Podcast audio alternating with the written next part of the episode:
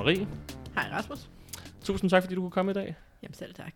Og grunden til, at jeg har inviteret dig i studiet, det er jo fordi, du har holdt oplæg til vores øh, festival, Ja. som vi havde her i november, øh, Revolutionsfestival, hvilket var mega fedt og super fedt at se. Der var så mange mennesker, Yes. der havde lyst til at deltage og diskutere revolutionær politik. Det var ekstremt øh, opløftende. Men grunden til, at du er her, det er fordi, du holdt oplæg til festivalen. Ja.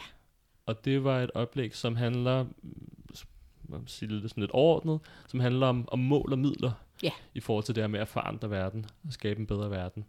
Um, så det er derfor, jeg har dig i dag. Fordi Yes. der var jo desværre nogen, der kunne komme til festivalen.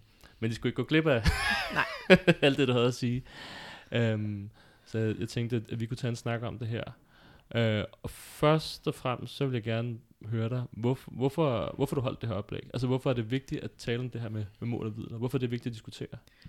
Jamen det er jo vigtigt, fordi jeg tror, altså for det første så er det jo et fedt sted at starte, fordi det antager ligesom, at, øh, at vi er ud over den diskussion, der hedder, er det nødvendigt at forandre verden? Så hvis vi ligesom tager det som udgangspunkt og siger, Nå, okay, den præmis er vi enige om, øh, for det kan være lidt hårdt at altid skulle diskutere det, sige, okay, hvis vi gerne vil forandre verden, så er det jo fuldstændig afgørende, øh, hvordan gør vi det?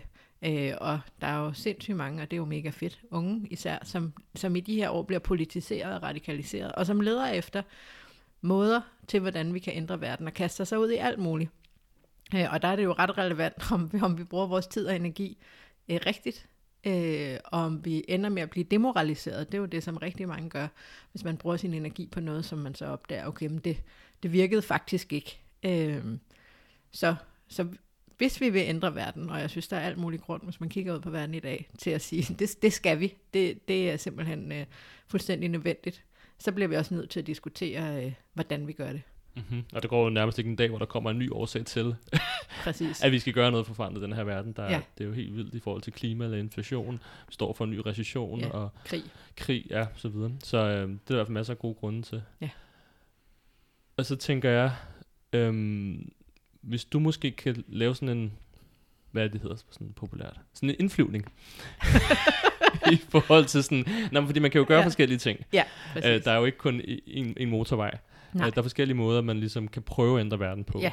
Så jeg, hvis du kunne hjælpe mig at give sådan lidt overblik Et over... katalog, julekatalog. Ja, julekatalog, sådan ændrer du verden. ja, BR's ønskekatalog. Yes, Øh, for altså, revolutionære. Ja. ja, altså man kan jo, altså der er jo sådan, det vi lige har fået øh, proppet ned i halsen her de sidste par måneder, valg, den parlamentariske vej, Mm. øh, føre valgkamp, stille op som politiker, eller sætte valgplakater op, øh, gå ind, gå ind, af, ind i Folketinget, øh, eller forvalte de rigtige folk ind i Folketinget, og forsøge at ændre verden den vej.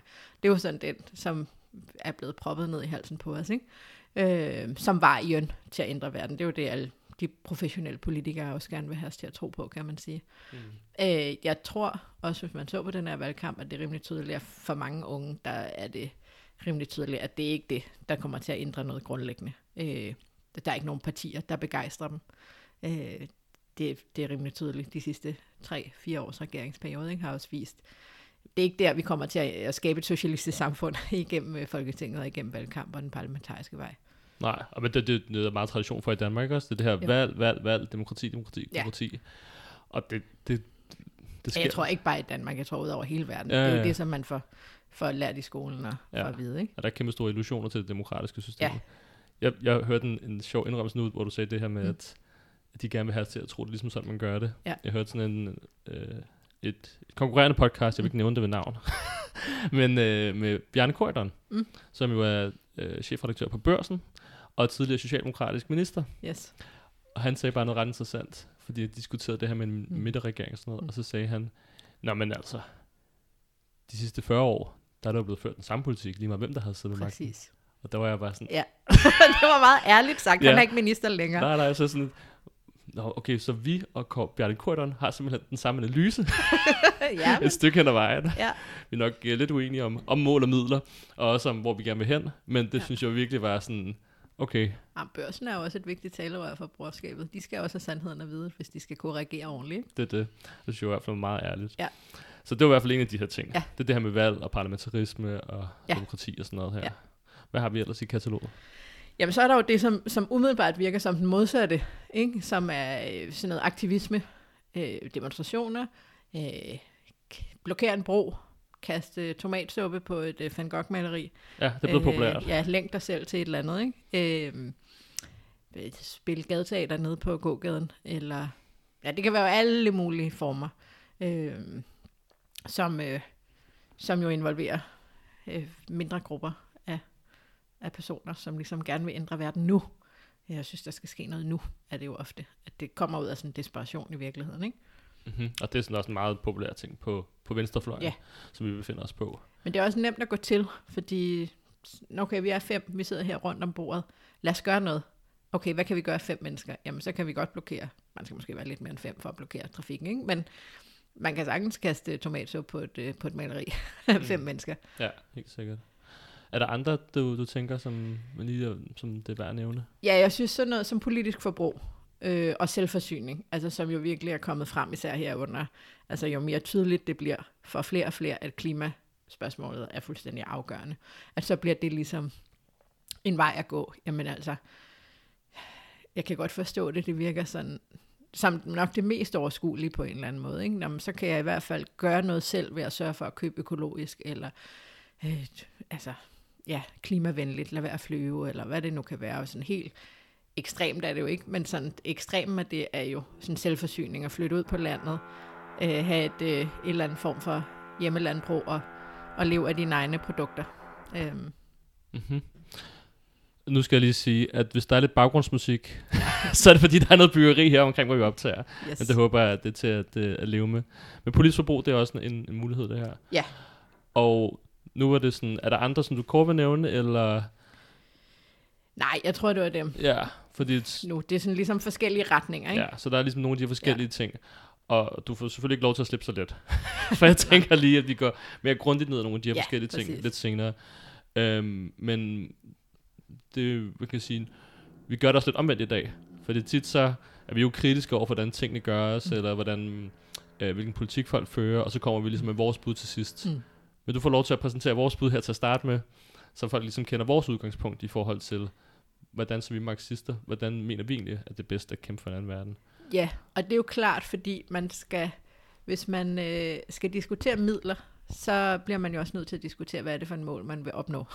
Øh, ellers har man jo ikke noget at holde det op imod. Der er sådan en kritik af, ja, men øh, så målet helliger midlet. Ja, hvis ikke målet skulle hellige midlet, hvad, hvad fanden skulle så hellige midlet? Andre midler, der helliger midler. Ja, præcis. Så det giver ikke nogen mening. Så man bliver ligesom nødt til at starte med at sige, hvad er målet, hvis man vil diskutere og kritisere forskellige midler til at opnå det mål. Så derfor er det ret relevant, hvis vi vil kritisere forskellige ta- taktikker og strategier, så bliver man nødt til at opsætte, hvad er det ligesom, vi vil opnå først. Og der kan man sige, vi er marxister, i revolutionære socialister. Øh, hvad hedder det? Og det, som er sådan hovedproblemet, vil jeg sige, i de andre, hvis vi lige skal tage det, det er, at de har individet i centrum. Øh, selvom de kan virke forskellige, så er de ligesom individcentreret. Og hvis vi tager marxisme, så er det jo det er en metode til at forstå verden, for at kunne forandre den. Marxisme er en revolutionær filosofi, en revolutionær videnskab i virkeligheden, ikke?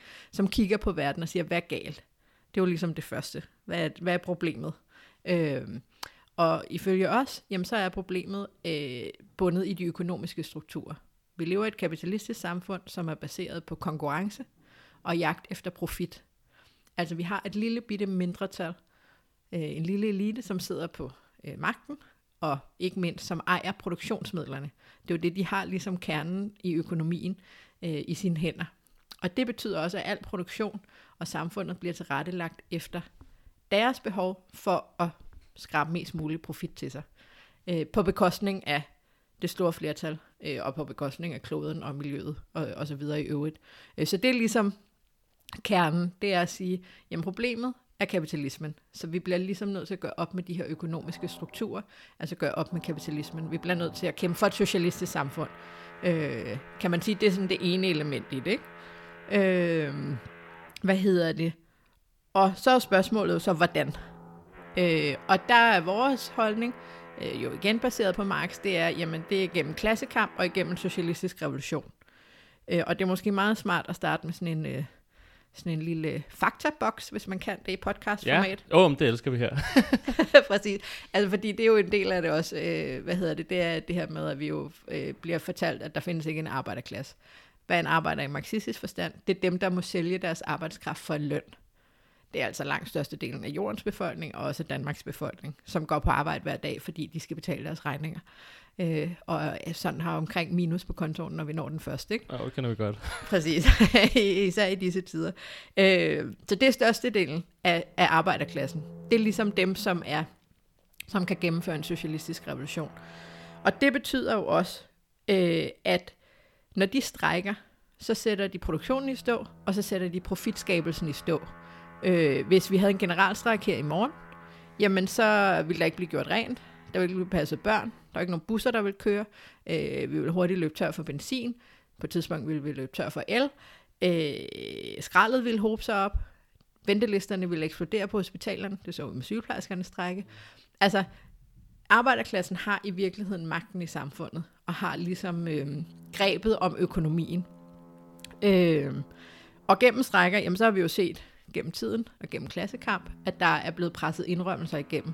Nu gennem klassekamp, at vi har fået, øh, hvad hedder det, øh, hvad hedder det, ferie, ret til ferie, ret til dagpenge, barsel, øh, alle de her ting. Det var gennem arbejderklassens kamp i de sidste 100 år i virkeligheden. Ikke? Øhm, ja, og det er jo endnu vigtigere også, en ting er de her sådan, øh, sådan konkrete spørgsmål, eller hvad man skal sige, forbedringer her nu, men det er jo også dem, som så har magten til at ændre samfundet grundlæggende. De har magten, hvis de, hvis de overtog kontrollen med økonomien, fratog kapitalisterne ejerskabet over produktionsmidlerne, jamen så har de, det er jo dem, der producerer, det er jo ikke dem, der ejer virksomhederne, eller dem, der ejer aktier, der sørger for, at der bliver skabt værdier i det her samfund. Det er dem, som hver dag går på arbejde, der sørger for, at værdierne bliver skabt. Så vi synes jo sådan set kun, at det er logisk, at de også har den demokratiske kontrol med de værdier, de skaber hver dag. Det er jo i bund og grund, det en socialistisk revolution er. Mm. Øh, så det er ligesom at tage fat i det grundlæggende i kapitalismen, øh, at det er problemet, og hvordan ændrer vi så det? Øh, ja. Mm. Ja, så vi, vi de trækker den helt vildt langt tilbage i virkeligheden, ikke også? Vi, vi analyserer, hvad er det grundlæggende problem? Yes. Hvordan kæmper vi mod det i forhold til at få skabt et socialistisk samfund? Ja. Og det er så det med klassekamp, som er center. Præcis. Øh, og, men så kan man også sige, at det, det er jo ikke sket. og det er jo også rimelig tydeligt, at vi har ikke en generalstræk lige nu, og vi har den nok heller ikke i morgen. Det har de måske snart i England, men, men det er ja, ikke i Danmark ja. øh, lige sådan nu. Hvad, og hvad er det, der ligger i det her? Fordi man kan også sige, at arbejderklassens magt er jo kun potentiel. Det er vel også altså, rimelig logisk. Vi kan ikke have strække hele tiden. Øh, hvad hedder det? Og man kan sige, øh, kapitalisterne og eliten, de sidder jo ikke på magten bare ved rå magt alene. De sidder jo gennem Øh, og overbevist os alle sammen om, at det kan ikke lade sig gøre, og det her er den bedste af alle verdener, og arbejderklassen findes ikke, øh, og alle de her ting, ikke? gennem skoler, og medier osv. Øh, hvad hedder det? Så, så når vi skal tage et, et middel og diskutere, om det er progressivt eller reaktionært, så sætter vi det netop op i det her, imod det her mål, der siger, øger det arbejderklassens bevidsthed om, hvordan det her samfund hænger sammen, og, og deres styrke øh, og deres øh, potentielle kraft i samfundet og til at ændre verden. Så, så det er jo ligesom øger det her middel øh, arbejderklassens involvering i øh, at tage magten i egne hænder, mm. basalt set. Så det er hele tiden det, vi det kan man sige, øh, det er vores målestok ja, i virkeligheden, præcis. når vi siger, øh, den her aktion er en god idé, den her taktik smart, kan vi bruge de her midler præcis. i kampen? Ja, lige præcis. Og det er måske også det, der, det kommer vi måske lidt mm. nærmere på nærmere, det hedder det senere, men det er måske også det, som der bliver mangler andre steder. Ja, lige præcis. Lige præcis. ja, helt sikkert. Alright, så det er sådan den marxistiske position, mm. sådan overordnet set. Ja. Det der med arbejderklassen og klassekamp i fokus.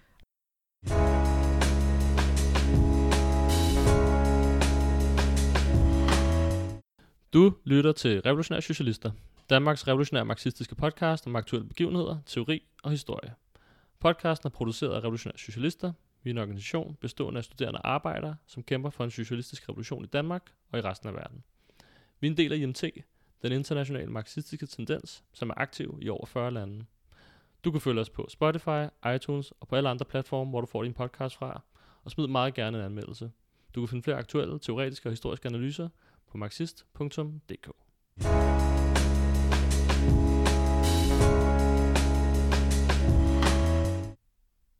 Alright, men det var så, hvad hedder det, fik vi også lige sådan den overordnede marxistiske position til, på plads, og det kan vi også gå lidt mere uh, ned i senere. Men nu synes jeg lige, vi skal snakke med nogle af de her ting, du nej, starter med at nævne. Um, og nogle af de her midler, som der er nogen, der mener er de mest effektive i forhold til at ændre verden, hvor vi har en, en, en revolutionær kritik af dem. Og skal vi ikke starte med, nu har vi lige haft det her valg. Ja. og, der, og der kører regeringsforhandlinger, og det er virkelig, det er sådan, ja, man bliver lidt træt af det, og det virker mm-hmm. ikke som om, der har været en stor entusiasme omkring det her valg. Nej. Hvilket vi ser som et sundhedstegn. Præcis. Ja, fordi det, folk er skeptiske over for det her nuværende system. Men hvad er det, der er problemet i forhold til at bruge Folketinget, altså mm. generelt set bruge parlamentet, mm. til at forsøge at ændre verden? Ja. Altså det er ikke fordi, der principielt er noget galt med, øh, at revolutionære skulle stille op mm. til parlamentsvalg. Øh, hvad hedder det? Det har man set masser af eksempler på i historien. Eller nogen i hvert fald. At, øh, at det, man kan godt bruge det progressivt. Det er mere, øh, hvis man bruger det til at give illusioner til, at det er vejen øh, til at ændre samfundet grundlæggende, øh, at så begynder der ligesom at komme med nogle problemer. Og jeg vil sige, problemet med den nuværende parlamentariske venstrefløj, og det er jo især, hvad hedder det, enhedslisten herhjemme, er, at de, de ligesom fokuserer alt ind på Folketinget, alt ind på parlamentet. Ikke? Altså, at de har ligesom opgivet en hver tro på en socialistisk revolution. Jeg ved ikke, om de nogensinde har haft den. Det, det må man spørge dem selv om. Men, øhm, men, men der er slet ikke noget involvering af det brede flertal.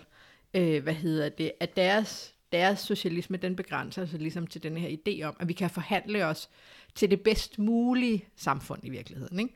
øh, og så bid for bid gå i retning af et bedre samfund. Øh, altså i bund og grund, så er de jo reformister, at man skal reformere systemet øh, skridt for skridt. Og det er jo sympatisk nok. Det lyder nemmere end revolution. Øh, hvad hedder det? Øh. Men problemet er, i mine øjne, at det er en utopi. Øh, sådan reformisme og hele ideen om, at vi skridt for skridt kan gå mod et bedre samfund, det havde måske sin gang på jord i efterkrigsopsvinget øh, hvor der jo faktisk blev opbygget velfærd. Ikke? Jo, altså efter 2. verdenskrig Præcis. og nogle årtier frem. Ja, altså øh, ja, ret til dagpenge, øh, sundhedsvæsen, børnehaver, øh, vuggestuer, alle de her ting, ikke? som jo er virkelig gode ting, men som vi jo ser nu, og de sidste, som Bjarne Korydon sagde, de sidste 40 år er der blevet ført den samme politik, og det er jo en nedskæringspolitik. Øh, hvad hedder det? Som bid for bid har taget velfærdssystemet øh, fra os, det går den forkerte vej.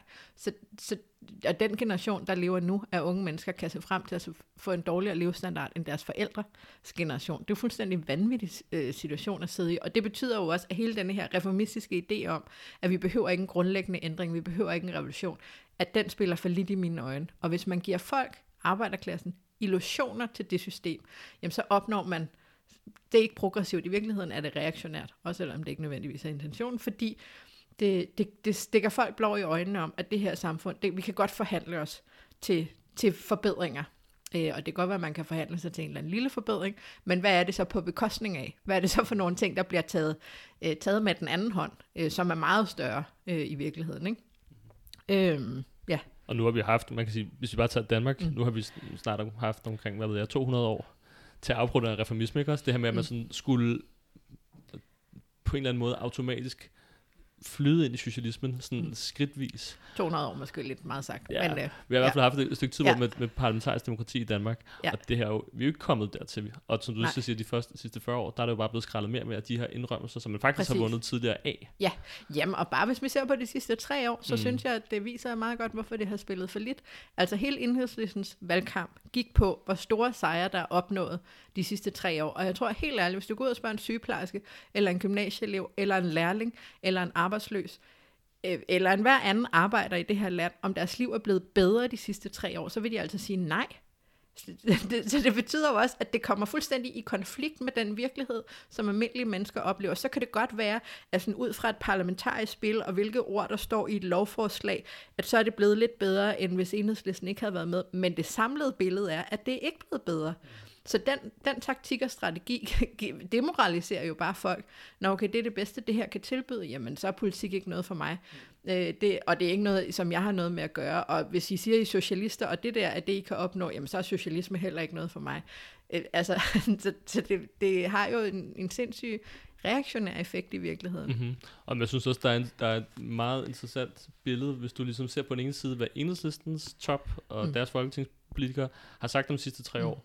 Altså man føler jo nærmest, at man har, man har levet lidt i socialisme. Ja. Altså det her var sådan, det er bare blevet bedre det hele. Ja. Og, sådan, og så på den anden side, så, så normale mennesker mm. og normale arbejdere og studerende oplever. Og så synes jeg også, hvis du så tager den tredje fløj, ja. hvad de borgerlige siger, Og de, jo, de, de sidder jo bare og griner. De sidder Ja. bare, "Hold kæft, hun har haft det nemt, Mette Ja. Frederiksen. Hun, har, Jamen, jo- hun, hun har ikke skulle gøre noget som helst. Ja. Altså, de har bare været villige til at indgå alle mulige ting, og så når det blev lidt for slemt, så lavede hun bare aftale med højrefløjen, Ja. men enhedslisten holdt stadigvæk hånden under det hele. Mm, Præcis. Og udråbe det til sejr, det var næsten det værste. Ikke? Altså, hvad er det vigtigste, øh, socialister kan, revolutionære kan? Det er at sige sandheden. Men også for, hvis vi lige skal brede det ud, og ikke bare at det hele skal blive enhedslisten Ja, ja, ja. Altså, hvis man ser på de sidste 10-15 år, ud over Europa, så det har det jo også været tydeligt, parlamentarismens begrænsninger. Ikke? Man har en regering i Grækenland, Syriza, som kommer til magten efter, jeg kan ikke huske, 36 generalstrækker i Grækenland.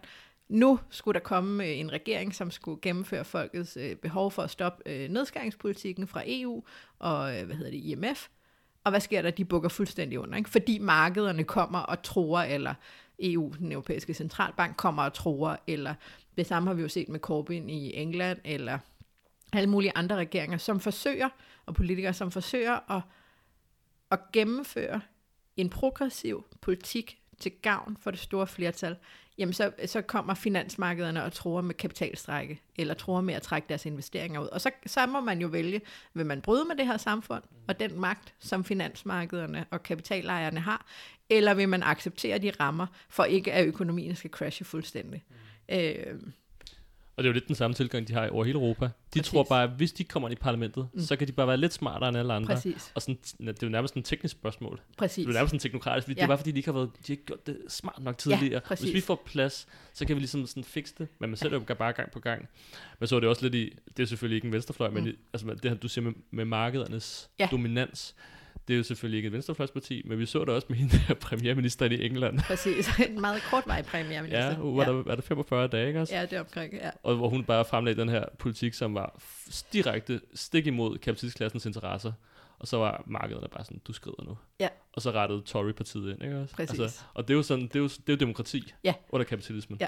Der er det markederne, der i sidste ende bestemmer. Præcis, Hvis lige det- præcis. Og, og så, så det der med, at de her venstrefløjsfolk tror sådan, ah, men det handler bare om, at vi skal ind, og vi skal få lov til at Mm. sidde i statsapparatet, vi skal få lov til at lige, hvad hedder det, trick det den ene rigtige retning, så, så kører det. Det er det, der er Præcis. problemet.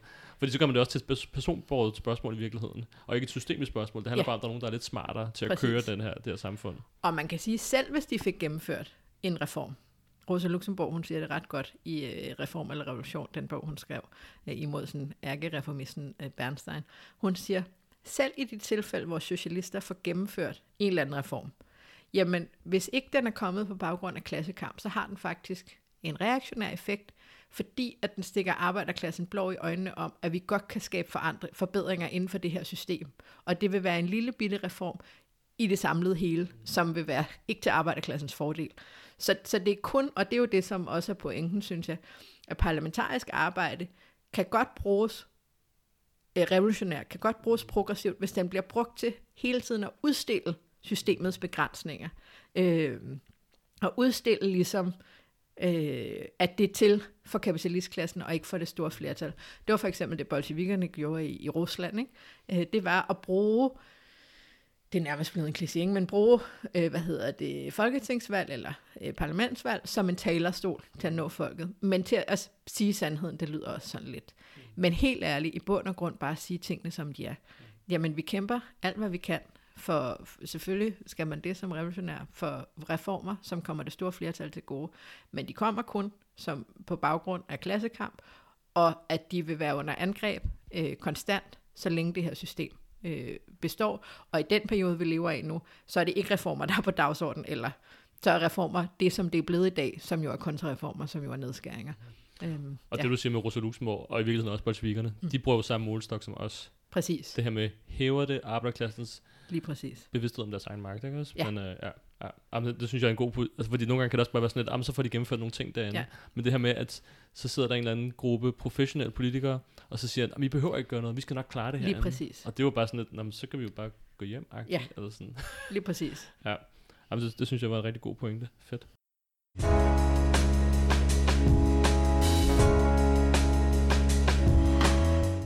Vi kan, vi kan godt blive lidt mere end det parlamentariske cirkus, hvis du har lyst. Men vi Nej, kan jeg også, synes simpelthen, lad os komme videre. jeg været der længe nok. Ja. Ja. skal vi ikke gå videre til den næste?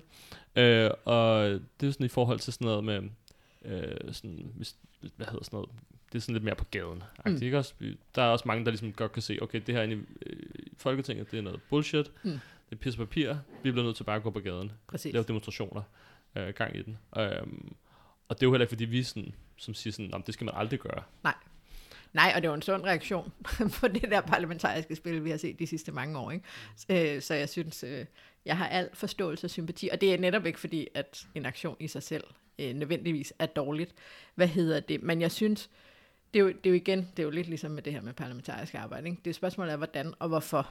Altså, det ene, og der er jo flere forskellige former. Der er sådan demonstrationer, øh, og så er der sådan de mere direkte aktioner, ikke? hvor jeg vil sige, demonstrationer er jo i sig selv som regel en god ting, fordi det samler folk og viser folk, at man er mere. Det er jo noget af det, som er det mest sådan, effektivt for kapitalismen, det er, hvis alle os, der gerne vil ændre samfundet, grundlæggende går rundt og føler, at vi er de eneste i verden, der vil det. Altså, dem møder vi jo vanvittigt mange af, når vi er ude på gymnasier og universiteter og til demonstrationer og sådan noget. Ikke? Folk tror, at de er de eneste i hele verden. Ja, det kan en demonstration jo ligesom vise folk, vi står sammen. Jeg er ikke alene. Vi har sådan sammenhold og solidaritet. Men jeg vil også sige, at lederne for de bevægelser, der har været, det, om det så har været sådan nogle, i nullerne var det en masse velfærdsbevægelser, her de sidste år har det været rigtig meget sådan noget klima noget, at de har været medvirkende til, at de har fået ikke en progressiv karakter, øh, men tværtimod. Altså man samler folk i nullerne, jeg tror der var tre demonstrationer med 150.000 deltagere for, imod nedskæringer, for ordentlig velfærd. Og et, altså, det var sådan nogle fester med ballonger og pølser, øh, og man behandlede folk som om, at de var altså, børn. Ikke? Nej, hvor er det fedt, vi er så mange. Det er jo ikke fedt i sig selv, at vi er så mange. Nej, altså, vi stå og hoppe sammen og Ja, sådan for, noget. ja, dem der ikke hopper, de er alt muligt. Ikke? Øh, hvad hedder det, og børnebands og sådan noget. Øh, men, men også sådan, det er jo ikke fedt at bare samles for at vise, at vi er utilfredse. Vi vil jo samles for at ændre noget. Jo samles for at få en ordentlig politik, og vi har jo ikke stoppet nedskæringspolitikken. Nej, nej, hvis man bare skulle samles for at være mange, så kunne man tage til festival, ikke? Og så kunne man tage til Roskilde, eller? Lige, lige præcis. Altså, øh, så, så det har jo demoraliseret en generation, som var, som var aktiv der. Ikke? Og det samme med det hele der klimabevægelse. Altså, den, den startede op mod sidste valg, ikke? og var vanvittigt radikal. I, at mange, der deltog, var virkelig sådan, systemet af problemet. Øh, kunne godt se, at det var noget mere grundlæggende. Og så hele øh, toppen af bevægelsen fik rettet det ind mod, vi skal have et klimavalg, og vi skal have en klimalov. Altså det blev fra sådan noget, folk satte spørgsmålstegn ved systemet til, klimalov nu, og så fik vi den der klimalov, som man kunne sige sig selv på forhånd ville være lort, og som jo bare er den, altså, det huleste omgang, øh, jeg nogensinde har øh, læst. Ikke? Altså, det kommer jo ikke til at ændre en skid. Tværtimod, kan vi jo se nu. Ikke? Det bliver ikke bedre. Øh, hvad hedder det? Øhm, så, så demonstrationer er gode, når de bliver brugt til øh, at samle folk og vise styrken i, at man er mange, og til så at hæve bevidstheden om nødvendigheden af, at vi ændrer det her samfund grundlæggende. Men hvis demonstrationer bare bliver brugt til at luft, øh, hvad hedder sådan noget, lukke luft ud af ventilen, øh, altså bare lige få vist utilfredsheden, og så sende folk hjem igen, så har det en modsat effekt, fordi det demoraliserer folk. Mm-hmm. Jeg var også øh, aktiv i elevstudenterbevægelsen, da jeg var yngre. Ja, det var jeg også. og jeg kan også huske det der med, da, da, da jeg startede med at blive aktiv, så var der nogle kæmpe demonstrationer, Ja. ikke også? Og, altså 10.000 vis af gymnasieelever, der bare oversvømmede Christiansborg ja. Slotsplads. Det var sådan, altså det var, de første gang var man sådan helt blown away. Det var så Præcis, fedt at være med, ja. ikke også? Og sådan, og man tænkte bare sådan, nu kan vi, vi kan gøre lige, hvad vi har lyst til. Lige præcis. Og så var det altid bare sådan, tak for i dag. Ja. Vi, tager- vi tager den herfra. Ja. Og så var man sådan, nå okay, fedt Ja. nok. præcis. Og så skete der nul og niks. Og der gik bare det der år efter år, det blev sådan et ritual. Ja. Altså en gang om året, eller nogle gange to gange om Mm. året, så mødtes man der. Og så Ja. gjorde man det samme, som man gjorde sidste år. Ja. Og effekten var den samme som sidste år. Præcis. Altså, absolut ingenting. Og jeg kan huske, de, de sidste jeg var til, der var vi jo ikke særlig mange. Altså, der var, der, der var vi bare blevet færre og færre år efter år. Til sidst, så dukkede der næsten ikke nogen op. præcis. Og det det det er forståeligt, fordi Ja. ja. det havde ikke ændret noget. Nej. Og de havde ikke nok nye, nye planer for, at det var bare at gentage Ja. de der fejltagelser, som Ja. de havde gjort. Og, ja. Ja, nu skal det ikke blive for personligt. Jeg var sådan, jeg ja. blev også sådan helt, hold kæft, mand. Det var, at, øh, ja, det, var, det, det, det, gik fra at være sindssygt fedt til, at det bare var sådan, okay, det var super stenerne. Jamen, og det er jo det, og dem som så ikke, så er der så nogen af os, der bliver revolutionære, og tænker, okay, hvis vi står her år efter år og demonstrerer, så er det nok, fordi der er noget mere grundlæggende galt. Vi er heldige at have mødt nogle andre, der var revolutionære, og ligesom kunne organisere os her. Jeg er også selv blevet aktiv, sådan oprindelig i studenterpolitik. Øh, og så er der dem, som ikke ligesom får en dybere forklaring, og de går hjem og bliver demoraliseret. Ja, helt klart. Og hvis vi sådan, det kunne man sige, det er måske lidt to sider samme sag, og sådan. Men, men hvis vi går så lidt mere over til sådan det her, med sådan, øh, lidt mere direkte aktivisme, mm. eller sådan direkte aktion og sådan Ja. noget. Øhm, hvad, hvad kan man sige, hvad er vores sådan, den grundholdning i forhold til, til den, kan man sige, taktik, hvis man kan kalde det det? Altså man kan sige, hvis man gør det som led i sådan en masse bevægelse, altså hænger øh, et banner op på sin skole eller et eller andet, ikke? eller laver i forbindelse med, at der er et eller andet sådan bevægelse i gang, så kan det jo have en god effekt, at det ligesom også skaber noget, bare sådan lidt halvøje omkring det, der sker, ikke? og opmærksomhed omkring det. Men hvis det er strategien i sig selv, så vil jeg sige, det er altså i virkeligheden også øh, reaktionært. Øh, jeg har al sympati for dem, der ligesom, altså det er jo især nu med alt det her klima, ikke? at folk bliver desperate, og det kan jeg virkelig godt forstå, sådan den der sådan, det er nu, fatter I ikke, altså kloden brænder-agtigt, vi skal gøre noget nu, og så i desperation, så ja, blokerer de trafikken, eller jeg kaster tomatsuppe på et maleri, eller hvad fanden det kan være, ikke? Øh, og jeg, jeg vil sige det sådan, jeg kan godt lide Van Goghs malerier. altså, øh, hvad hedder det? Og hvis det var, at vi offrede alle Van Goghs malerier, og så løste vi klimakrisen, så ville jeg være parat til det. Men problemet er lige meget, hvor meget tomatsuppe vi kaster på malerier. Så løser det jo ikke noget som helst. Øh, og tværtimod, så vil jeg sige, at denne her slags aktioner har, hvad hedder det, på, øh, altså på alle mulige planer, negative effekter. Øh, hvad hedder det? Øh, og ikke kun for malerierne. Nej, ikke kun for malerierne. hvad hedder det? Øh, at det, det har den risiko, at det splitter de her lag af aktivister fra det brede lag af arbejdere, som, hvis vi går tilbage til vores mål, jamen en omvæltning af samfundet, øh, der er det nødvendigt at involvere det brede flertal. Og der har øh, de her former for direkte aktion tit den modsatte effekt, øh, at det, det ligesom skaber splittelse og fremmedgjorthed øh, og pacificerer. Øh, I bedste fald, kan man sige. Så, øh, så, hvis, så vil det øh, store flertal af arbejdere tænke, og også unge for den sags skyld tænke, Nå, okay, der er nogle aktivister, der har styr på det. De klarer ærterne, jeg kan, jeg kan ligesom fortsætte mit liv. Jeg behøver ikke... Øh, de har styr på det, det er tydeligt, at de ved, hvad de laver. Ikke? I værste fald, så har det ligesom den modsatte effekt, at det fremmedgør, eller fjendtliggør øh, brede lag. Ikke? Okay, nu blokerer I trafikken, jeg skulle på arbejde, min chef er ligeglad med, at der står, hvad hedder det, 100 aktivister, eller 20 aktivister et eller andet sted. Øh, det er meget godt, der kommer nogle politifolk og rydder dem, ikke? så jeg kan komme på arbejde og ikke få en fyreseddel øh, så, så skaber det jo splittelse. Og på den anden side, så har man de her aktivister, som er sådan, jeg er parat til at gå i fængsel, eller hvad det nu kan være, øh, og I fatter ikke noget. Er I, altså helt ærligt, vågn nu op. Så der er også sådan en, en desperation, og en, øh, jeg har set, øh, det sker en del gange, folk, der ligesom har været virkelig aktive, og så har de ikke fået vækket det brede lag, fordi det er gennem aktioner, man ligesom får vækket det brede lag til, til politisk aktivisme. Øh, og så, og så får man sådan en, øh, hvad hedder sådan noget, øh, øh, sådan pessimisme på menneskehedens vegne. Mm. Jamen, de fatter heller ikke noget. At ja. det, de er simpelthen for dumme, ikke? og så får jo også en modsat effekt. Altså involverer man sig ikke i at mobilisere de brede masser, man, man bliver bare pessimistisk og afskriver det hele, og så bare sidder og bliver bitter resten af sit liv har jeg også set ske en del gange. Ikke? Jo, jo, og det er jo forståeligt nok, fordi hvis man ligesom tænker, det er den her måde, jeg får andre med på vognen. Præcis. Og der er ikke nogen, der kommer med på vognen. Præcis. Fordi man... Altså, det minder i virkeligheden om, det er sådan de tur lidt, men altså sådan den, den strategi, taktik, der blev kørt i, øh, i hvad hedder det, i 20'erne, det tyske kommunistparti, ikke? Sådan, ja. ideen om sådan, øh, hvad hedder det, om offensiven. Hvis bare ja. vi er nogle dedikerede nok aktivister, der ligesom sætter i gang, så vil det ligesom antænde gnisten og få resten af, af arbejderklassen med. Men det er ikke sådan, at arbejderklassens bevidsthed ændrer sig. Den ændrer sig ved begivenhedernes gang, at de bliver presset til at tænke anderledes. Den ændrer sig ikke ved, at de ser nogle aktivister kaste sig ud foran øh, et fly, eller øh, længe sig fast til en, en bro, eller et eller andet. Nej, nej, det her med, at man tror, man ligesom kan elektrificere ja, lige præcis. befolkningen. Ikke? Ja. Også hvis, sådan, og hvis jeg bare ligesom gør et eller andet spektakulært nok. Ja. Altså, det, ja. ja. Og det er vildt nok. Men det er også i virkeligheden, altså så på den her måde, så får man virkelig, som du også siger, man, får lidt, man, på, man ender også med at få fremmedgjort mange arbejder for de Præcis. aktioner, og de får forbundet det med noget negativt. Hvor vi spørger sig selv, hvordan hjælper det klimakampen, ja. at vi smadrer vores historiske kulturarv? Ja. Altså, hvordan, hvad det har nogen effekt? Og I snakker ikke om, hvad der skal ske med mig, fordi Nej. jeg tror også, mange sidder og har det sådan, at de kan godt se, at der er klimaforandringer, Præcis. men de har ingen idé om, hvis der skulle virkelig skulle gøre noget ved, hvad det betyder for mig, hvad Nej. det betyder for mit leveforhold, hvad det Nej. betyder for mit job. Nej, præcis. Hvordan, altså, så det, hvis man slet ikke adresserer sådan ja. de problemer, som folk de står og ja. bekymrer sig om, i forbindelse ja. med faktisk at gøre noget ved klimaforandringerne, ja. så er det også klart, at så er det svært at få med på vognen. Jamen også, jeg tror også, mange gerne vil, men de har ikke lyst til at at der er jo heller ikke brug for dem. Vi kan jo ikke alle sammen gå ud og kaste suppe på malerier. Vel? Altså, Nej, ja, det så bliver det i hvert fald meget langt Det ville være meget mærkeligt, at sådan hele af verdens arbejderklasse samtidig går ud og kaste. Det ville måske i sig selv have en effekt, men øh, hvad ja. hedder det, hvis de kombinerede det med en strækkeaktion. Men, øh. Så i forhold til sådan noget aktivisme og direkte ja. aktion og sådan noget, så i forbindelse med massekamp, altså som sådan, kan man så sige, så sådan et, et vedhæng, ja. på, på massekamp kan det godt spille en, en positiv ja. rolle, men i sig selv, og som sådan ja. en indsporet strategi, så, så ja. mener vi ikke, det er en, en, en farbar vej. Nej.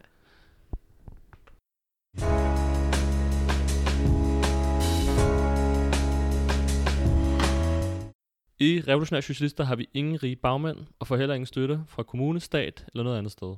I modsætning til alle andre politiske organisationer, er vi 100% økonomisk uafhængige. Det kan vi kun blive ved med at være på grund af støtten fra vores medlemmer og støtte fra arbejdere og unge, der sympatiserer med os. Folk som dig. Vi håber derfor, du har lyst til at støtte vores arbejde med et økonomisk bidrag. Gå ind på rebosok.dk-bliv-medlem. Her kan du blive B-medlem, hvor du overfører et fast beløb om måneden, og til gengæld får vores avis Revolution. Det vil være en kæmpe hjælp i kampen for en bedre verden, i kampen for socialisme.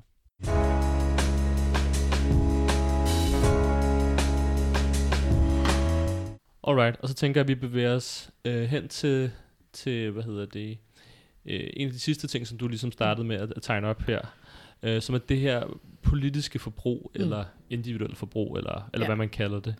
Øh, hvorfor er det, vi mener, at det ikke ligesom er, er måden at, at ændre verden på? Ja, altså det er jo ikke fordi, der principielt er noget galt med, at folk køber økologisk mælk, øh, og øh, hvad hedder det, æg fra fritgående høns, eller bliver veganere for den sags skyld. Øh, altså, det, er jo, det, det må folk gerne. Jeg, jeg køber også økologisk mælk til mit barn. Altså, øh, hvad hedder det? Men som strategi til at ændre verden, øh, at der mener jeg sådan set, at det er håbløst. Øh, hvad hedder det? Og ikke progressivt. Øh, det ligger al vægten over på individets skulder. Øh, og, og for det første, så vil jeg sige, at det er jo udtryk for sådan en liberal illusion om, at øh, hvad hedder det, penge, det er vores stemmesedler. Øh, og at øh, så på det frie marked, det er nærmest sådan et stort demokrati, så viser vi med vores stemmesedler, hvad vi gerne vil have. Problemet er jo bare, at de der stemmesedler er helt ekstremt ulige fordelt. Øh, altså, det er jo fuldstændig vanvittigt. Jeg fandt et tal, som jeg sad bare lige og kiggede herinde. Det, det seneste tal, jeg kunne finde 2017, øh, var der otte mennesker i verden, der ejede lige så meget som halvdelen, den fattigste halvdel af jordens befolkning. Og de er på stemmesedler. De har et par stemmesedler, og de er ikke dem, der er mest klimabevidste som regel, vel? Øh, hvad hedder det? Altså, så, at det er jo fuldstændig vanvittigt, øh, at, at det skulle ligesom være, være den vej. Øh, ekstremt øh, udemokratisk i øvrigt også, ikke? Øh, og så er det jo ekstremt individualiseret, og det tager jo ikke fat i problemets råd. Øh, hvad hedder det? Øh, størstedelen af CO2-udledning kommer ikke fra privatforbrug øh, så vidt jeg kunne læse mig frem til, så de 100 sådan, mest CO2-udledende firmaer i verden står for 71 procent af verdens CO2-udledning. Ja, det er også vildt. Så er det jo ikke dig og mig og mm. vores økologiske mælk, der kommer til at redde noget som helst. øh, det er en dråbe mælk i havet. det er en dråbe mælk i, i havet. Hvad hedder det? Og, og det ligger jo ansvaret for at løse det her samfundsmæssige problem på individet. Ja, imens så går de store virksomheder fri, så sidder vi og slår os selv oven i hovedet, og hinanden oven i hovedet. Øh, og er det ekstremt belejligt for kapitalisterne. Altså, de må bare sidde og gnide sig i hænderne øh, over, at vi, at, vi, øh, at vi fokuserer på det. Og, og det er jo fuldstændig umuligt. Altså, hvis vi skulle tage hver vare, vi køber, alt vi køber, Prøv at tænke på, hvor meget du har købt. Nu er det december, ikke? Oh, oh thank God. Yeah. ja, alt det, du har købt den sidste måned bare. Og så skal du undersøge det for klimabelastning, Øh, og i øvrigt vil jeg også mene, øh, er det øh, produceret af arbejdere, der er ordentlige vilkår, er der børnearbejde involveret, hvordan er transporten foregået, øh, hvor i verden er det produceret, hvor er delkomponenterne egentlig produceret, øh, er det produceret klimavenligt, dem der har produceret det, er de behandlet ordentligt, du, altså et, det kan ikke lade sig gøre. Jeg bliver træt af bare Jamen, det, er jo det, det, liste, det, det, det kan altså. ikke lade sig gøre. Øh, det, det er umuligt. Og hvad er det, det gør? Det dræner os fuldstændig fra en, for energi, hvis vi vil gøre det ordentligt, øh, til at bruge til faktisk at ændre verden. Fordi så sidder vi bare og bruger al vores energi på at sidde og undersøge alt muligt lort, som det i øvrigt er umuligt at undersøge, og som jo ikke ændrer den måde, tingene bliver produceret på. At det er et forsøg på også at ændre, øh, ændre den måde, økonomien er opbygget på gennem forbrug. Men hele problemet ligger jo i produktionen. Øh, og så skaber man altså en, altså, en, en generation af unge, som, hvad hedder det, som bliver ekstremt deprimeret, fordi at de ikke synes, de gør det godt nok. Og det er overhovedet ikke dem, der er problemet. Øh, og en ting er, at de selv bliver deprimeret, øh, men som jo så også risikerer at slå alle andre oven i hovedet. Øh, og at det bliver ekstremt elitært, fordi igen, sådan, størstedelen af jordens arbejderklasse har ikke den luksus. at kunne sidde og bruge energi på overhovedet at tænke på økologisk produktion eller øh, fair trade eller noget som helst. Altså det er jo dem, der er ofre for, for alle den der grund til, at der er fair trade, hvad hedder det, hvad hedder det, markader og sådan noget. Ikke? Øh, og, men også i Danmark. Det, altså, at have et fuldtidsarbejde og børn og alt muligt andet, og så skulle jeg sidde og prøve, altså en ting er at bruge energien på det, men jo så også pengene. Sådan et krav som CO2-skat, øh, som, som jo ellers har sådan været hovedtingen, øh, også i, som jo også hænger sammen med det her med politisk forbrug. Ikke? Vi skal ligge, øh, vi skal, hvis løsningen ligger i forbruget, så lad os lægge en skat på, på øh, hvad hedder det, miljøsvinende varer. Okay, hvad er det, det betyder? Det betyder, at fattige mennesker, det betyder, at størstedelen af den danske arbejderklasse, skal have et lavere forbrug.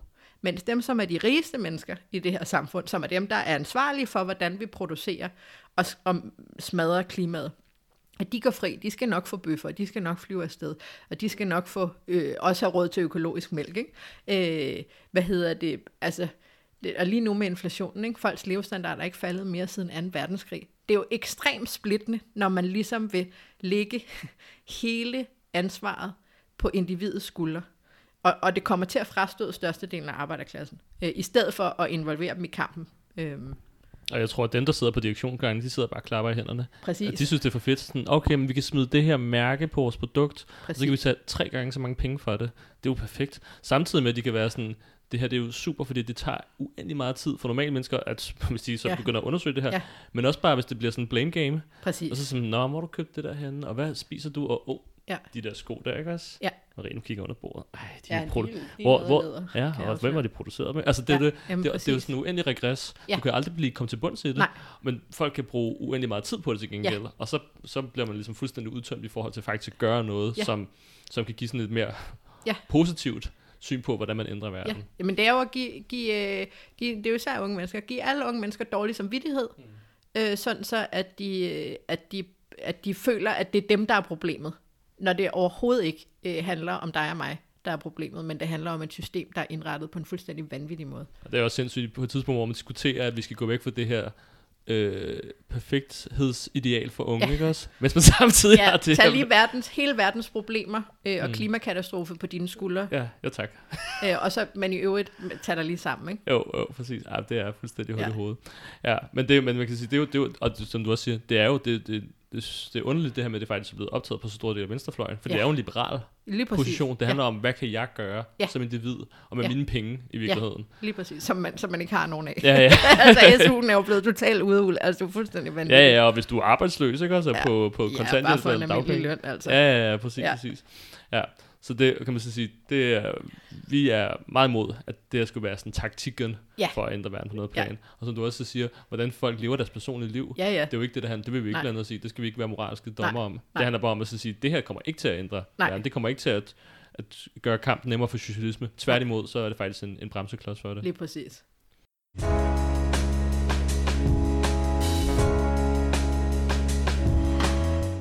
Klimakatastrofe, galopperende inflation, krige og en ny økonomisk krise. Det er alle sammen problemer, som dette system, kapitalismen, ikke kan løse, men tværtimod gør større.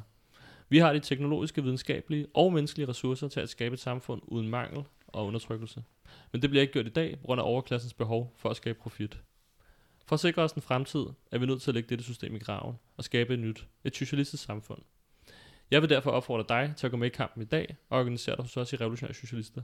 Kontakt os via Facebook, Instagram, TikTok, gå ind på Rebusok, eller duk op til en af vores arrangementer, arrangementer og hør mere om, hvordan du kan være med i kampen.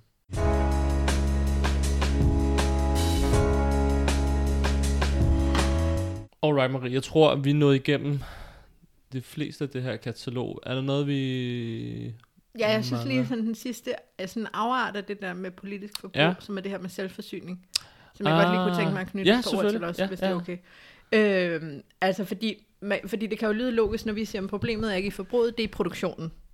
Øh, og så er der jo sådan en bølge af folk, der sådan går sådan lidt bunderøven i den. Ikke? Øh, nu skal vi så ud og lave øh, selvforsyning. Og jeg kan godt forstå det, sådan på et personligt plan, det der med at flytte på landet, ud af byen, stresser jeg, af, øh, og så ligesom øh, gro nogle øh, grøntsager, og have et par dyr, og lidt nogle høns, og få noget æg og sådan noget.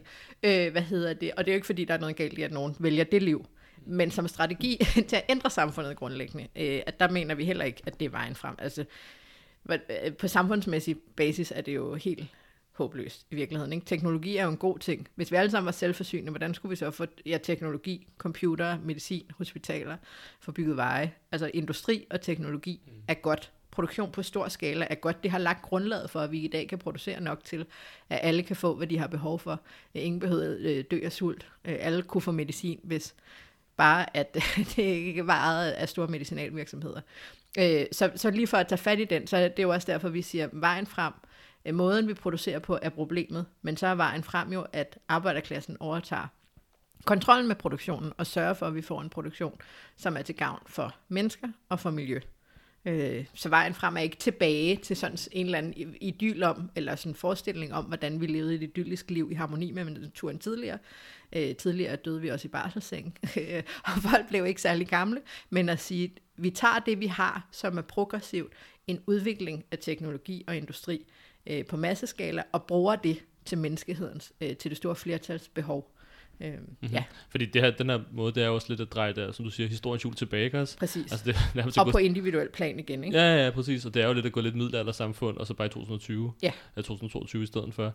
Og også i forhold til det her med, at netop den teknologiske udvikling har netop gjort, at vi faktisk ikke alt sammen behøver at lave alting til os selv ja. alene. Og det betyder, at, vi har et, at der, er et, der er et potentielt overskud, som vi faktisk kunne bruge til at løfte blikket og udvikle samfundet endnu videre, men det kan du Præcis. jo ikke, hvis du skal bruge hele dagen på at arbejde og Nej. sy dit tøj og hvad hedder det, gro din egen mad, og så skal der Nej. også lige børnepasning og så videre ja. oveni, ikke også? Altså, så, så er der jo nul tilbage af tiden. Uh, så det vil jo også bare sætte en kæmpe bremse for den videre udvikling af samfundet, hvis det her bliver sådan en massive ting. Det Præcis. tror jeg ikke. Nej, nej, det tror jeg heller ikke. Der er heller ikke uh, jord nok. Men, eller, altså, nej, men det giver ikke noget. Altså, nej, mm. det er ikke nogen farbar vej på sådan... Uh, andet end individuel øh, plan. Nej, og man har hørt om de forskellige former, så er det dem, der flytter ud på landet nu, og ja. open gardening og ja. alle, ja, ja, alle mulige det er jo ikke fordi, ja, det er fint nok. Mm. Du må gerne have krydderier derhjemme. Ja, ja, jeg tror heller ikke, at vi bliver sure hvis man syr en svæde til sig selv. Eller? Nej, jeg er glad for at strikke. ja, Men det handler om noget andet. Ja, lige præcis.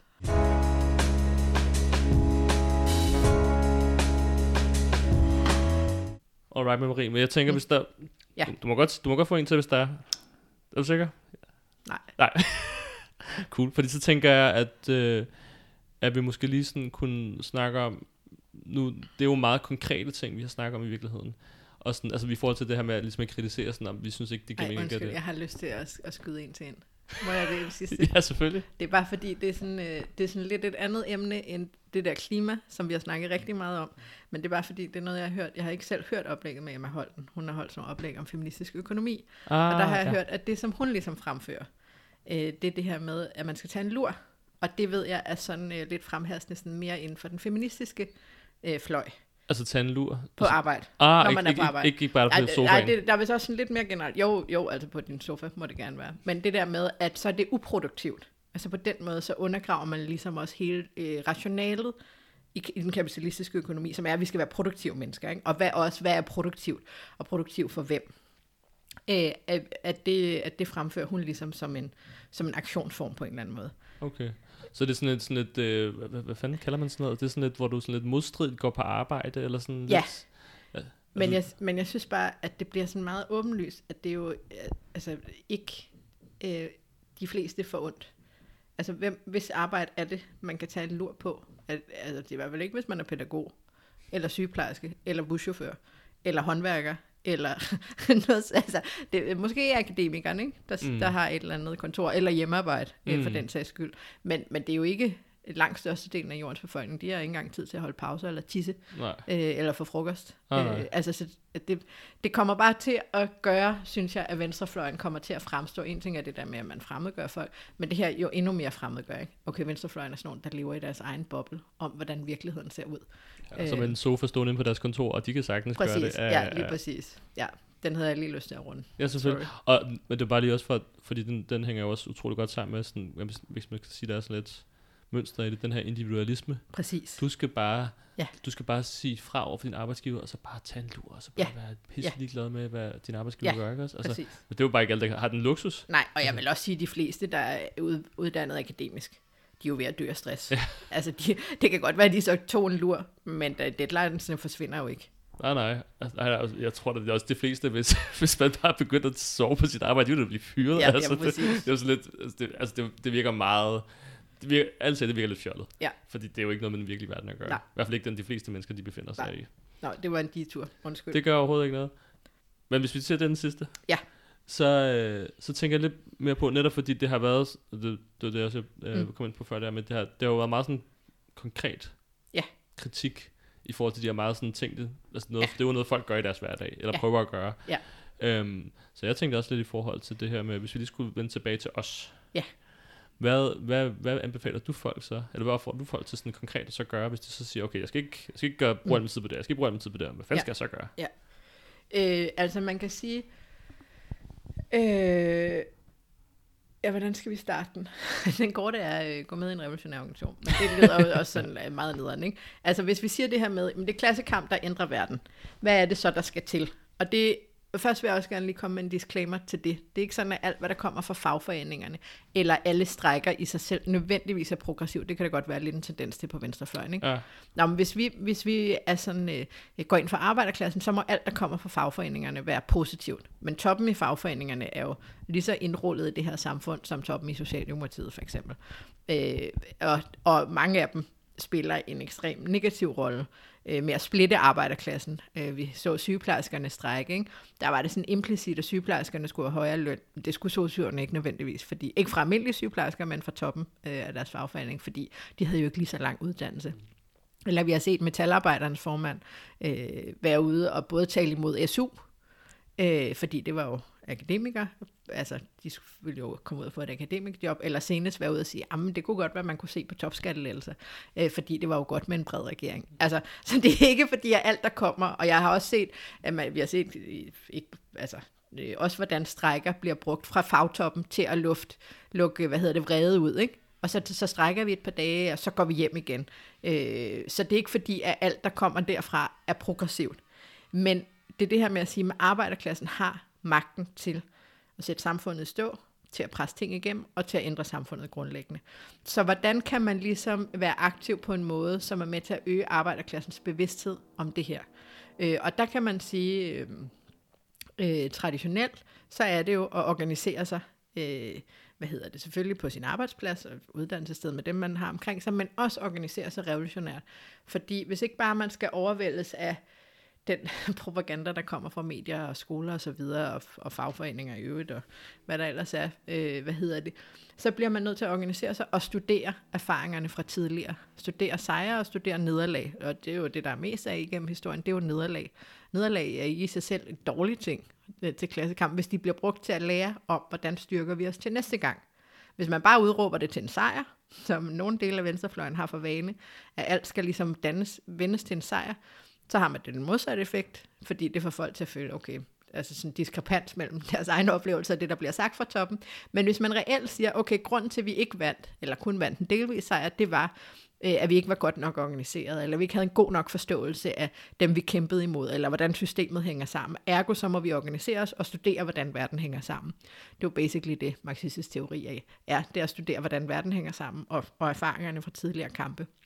Øh, så, så jeg vil sige, at den her kombination af at organisere sig sammen med andre marxister, sammen med andre revolutionære, og studere erfaringerne fra tidligere, og så involvere os i de, i de kampe og bevægelser, der er, med det formål hele tiden at øge solidariteten og sammenholden, og bevidstheden om, øh, blandt, blandt det brede lag af unge arbejdere, om hvordan det her, den her verden hænger sammen, og den styrke, de selv har til, til at ændre øh, verden øh, i virkeligheden. Ja, jeg tror ikke, jeg kunne komme på en bedre afrunding. jeg tror, vi lader det være det sidste ord, Mm. hvis der ikke er noget, du vil øh, sige. Nej. Og så øh, vil jeg sige tusind tak, fordi du kom i dag. Jamen selv tak. Det stod virkelig, virkelig spændende at snakke om. Og jeg håber også, at jer, der hører med derude, har fået rigtig meget ud af det. Og I har lyst til at høre mere på det her podcast, og mange flere vil producere i fremtiden. Vi høres ved.